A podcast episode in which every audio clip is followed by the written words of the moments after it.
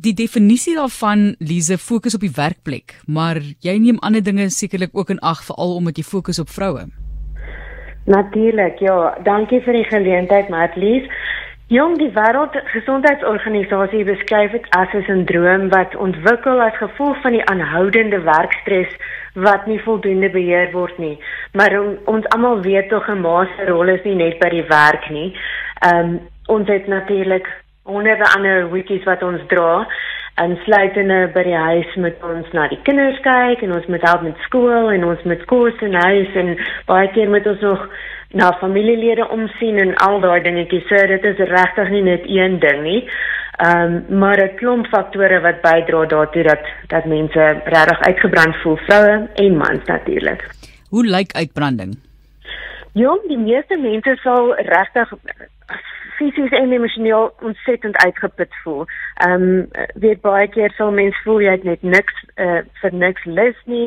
Ehm um, jy het nie energie om enigiets te doen waar, waarvoor jy hou nie. Jy het nie tyd om enigiets anders te doen as die taakies wat jy geblik het. Dit is net 'n ontsettende moegheid eintlik wat oor mense kom en en mense voel hulpeloos en en hopeloos baie keer. Dis regtig ehm um, nie 'n lekker gevoel om te hê nie. Mense voel net daar's net niks het net niks ekstra om te gee nie. Tog moet mense aanhou, né? Inderdaad en ek dink dit is wat ons uh, nodig het om te weet is dat jy kan nie net gaan stil staan en die wêreld stop en jy kan nou eers bietjie herstel nie. Dis natuurlik hoekom jy in die eerste plek by uitbranding beland. Dis natuurlik presies die oorsaak. Daar is net nie 'n geleentheid vir ons om bietjie stil te staan tussen al die dinge wat ons tref van elke hoek en kant af nie. So dit is dis jy's heeltemal reg, dis die probleem. Ehm um, dit is dit is super moeilik om ons situasie net oornag te verander. So daar is dingetjies wat mense nou wel kan doen, maar uh, natuurlik uit ons oogpunt uit kan ons ten minste die brein help om bietjie van binne af beter te werk om om al hierdie stresors bietjie makliker te hanteer en natuurlik ook al die wanbalanse wat as gevolg van die stres daar geplaas is in jou brein bietjie aan te spreek. Dit mens net daar in jou binneste en jou gemoed bietjie meer kalmte het dan kan mens natuurlik al die buitegoed ook beter hanteer, né? Ja. Een van die dinge natuurlik ook is die die bietjie emosionele kant van sake, vroue wat daarbey meer betrokke is. Ek gaan dit nou maar op so 'n manier stel. Ja. Ehm um, en dat dit bydra ook tot daai uitbrand. Maar ek sit nou hierso, waar's my pen?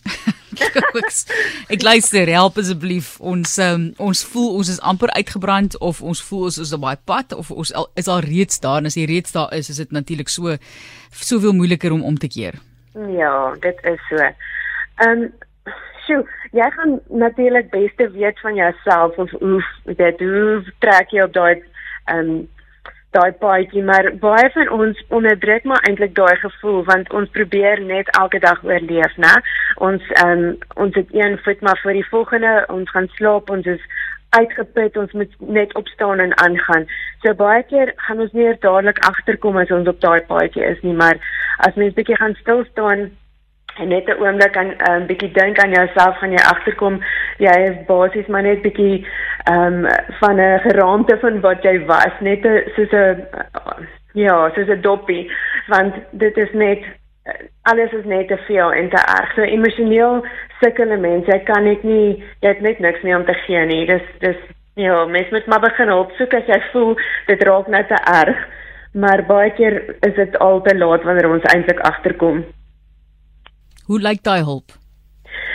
Daar's verskillende goed wat mens kan doen natuurlik. Ehm um, in jou dag tot dag kan mens dingetjies vir probeer verander, net jou werk en jou lewe balans bietjie probeer beter maak, los jou werk by die werk. Ehm um, jy weet skakel elektronika af voor slaaptyd.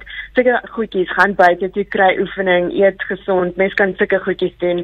Mens kan natuurlik ook hulp kry, mens kry 'n uh, terapie wat mens kan help om bietjie meer ehm um, beter te die al die stres te hanteer en dan is daar ook goedjies soos wat ek genoem het neuro terugvoer wat wat help om jou brein um, in beter beter balans te bring sodat al die dinge nie so oorweldigend voel nie. So ja, mens moet maar uitreik. Ehm um, daar's baie baie dingetjies wat mens kan doen, maar ja, elke klein dingetjie gaan help. Hoe affekteer dit jou brein juis, jy as 'n neuroterapie-praktisyn? Ja, dit dit is die groot vraag, né? So burn-out is nie of ekskuus tog uitbranding is nou nie ietsie wat net oornag gebeur nie, né? So dit is iets wat dis 'n stresor op nog 'n stresor op nog 'n stresor sonder dat mens kans kry om te herstel tussenin. So wat gebeur in die brein is ehm um, jou brein gaan in 'n in 'n mate in 'n posisie in van weerstand of om jou te beskerm. Uh, maar omdat jy nou nie kans het om terug te gaan na die normaal toe nie, bly hy naderhand in daai toestand.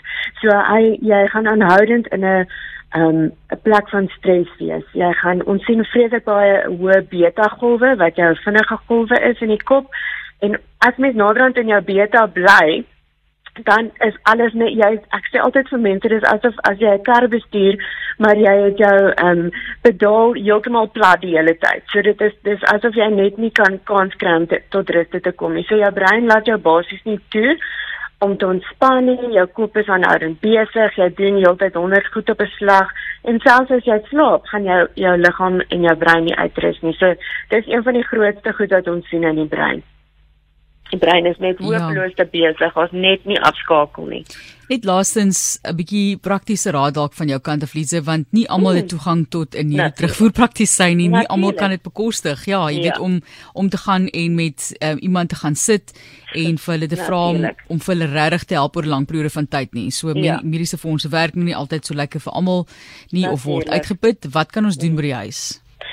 So die belangrikste ding wat ek sal uh, doen as ek weet by die huis is, is ek sal gaan sit en prioriteite prioriteite lys.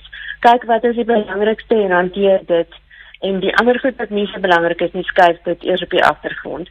Ehm um, delegeer bietjie taakies by die huis.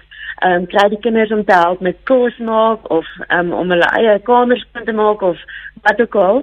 Ehm um, en soos ek gesê het, jy weet as jy as jy daar kans kry om bietjie te gaan stap as jy klaar is met jou dag se werk, ehm um, skakel jou jou ehm um, rekenaar af as jou dag klaar is by die werk, moenie weer teruggaan daarna toe nie. Mens moet prioriteite ehm um, lys. Mens moet jou werk en jou jou privaat lewe probeer apart hou. Dit gaan dit gaan op die einde van die dag vir jou 'n bietjie van 'n blaaskans gee. En dan doen goed wat vir jou lekker is. Luister na jou musiek. Ehm um, gaan werk in die tuin. Probeer vir jouself tyd skep elke dag om ietsie te doen wat jy van hou wat vir jou 'n bietjie vrede bring. Ek sou dink ja en dan natuurlik se begin met probeer genoeg slaap eet gesond drink al jou water so mense daarom jou liggaam ook help. Ek dink dit sal dit baie praktiese goedjies wees om dalk ja. te doen Baie dankie Lize.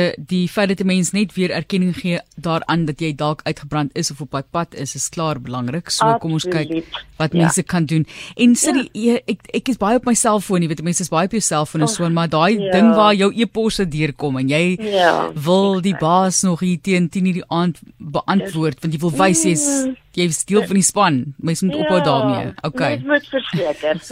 Iewers ophou. Balans. Balans. Lise Marits wat so gesels en sy is 'n neuro terugvoer praktisyn